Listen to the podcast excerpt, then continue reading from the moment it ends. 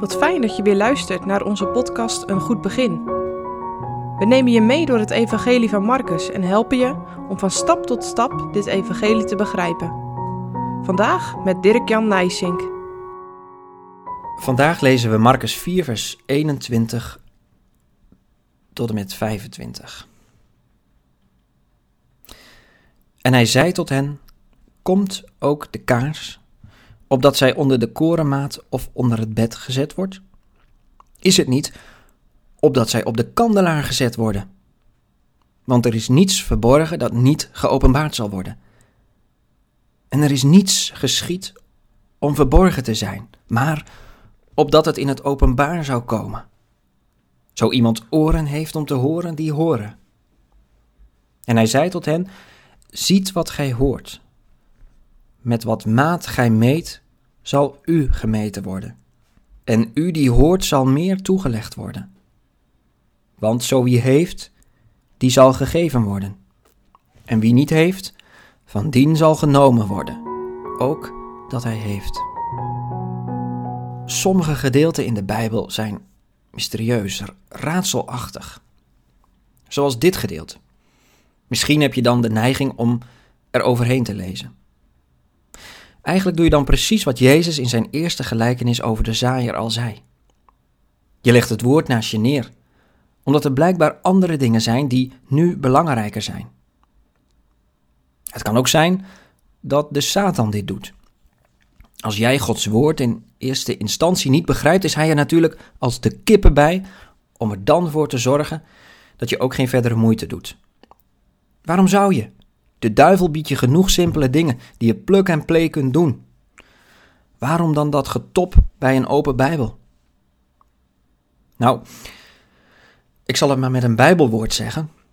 Omdat de weg naar het leven smal en moeilijk is en de weg naar het verderf breed is en vanzelf gaat.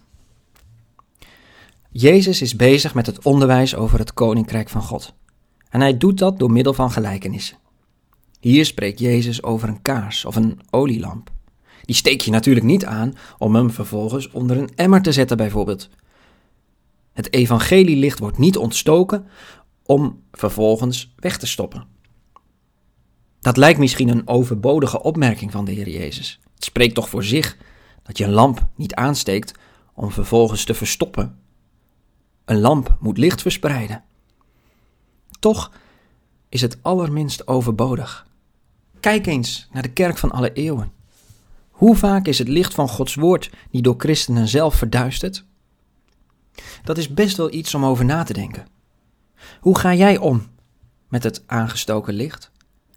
Want, zegt Jezus, er is niets verborgen dat niet geopenbaard zal worden. En er is niets geschied om verborgen te zijn, maar opdat het in het openbaar zou komen.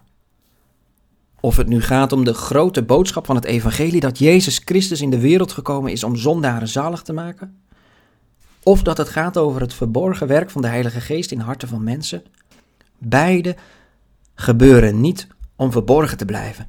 Het moet en het zal geopenbaard worden. Als ik heel eerlijk ben, stelt dit mij best wel schuldig. Hoeveel doe ik eraan om dit licht te verspreiden? Of zet ik het inderdaad onder een korenmaat, een stolp of een emmer? Er is ook een andere kant. En dat is wel iets om blij van te worden. Het gaat hier om het koninkrijk van de hemelen. En wat God in het, in het verborgen voorbereid heeft, zal ten volle gezien worden. Het is geschied opdat het in het openbaar zou komen. Hoe dan ook zal de Heer Jezus als zaligmaker gepreekt en geloofd worden. En, als hij in, in het hart met zijn geest werkt en jouw hart door hem wordt aangeraakt, dan zal dat naar buiten komen. Dat is zijn werk en dat is tot zijn eer. En dan dat laatste. Met wat maat u meet, zal u gemeten worden. En u die hoort, zal meer toegelegd worden. Dat is wel heel raadselachtig. Maar het is ook heel erg scherp. Ergens anders zegt Jezus dat wij uit onze eigen woorden geoordeeld zullen worden. Heb je een strikte opvatting over hoe God een mens bekeert? Heb je een strikte opvatting over wat wel en niet mag? God zal jou langs dezelfde meetlat leggen. En ik zeg je, dan red je het niet. Dit is een pleidooi voor bescheidenheid.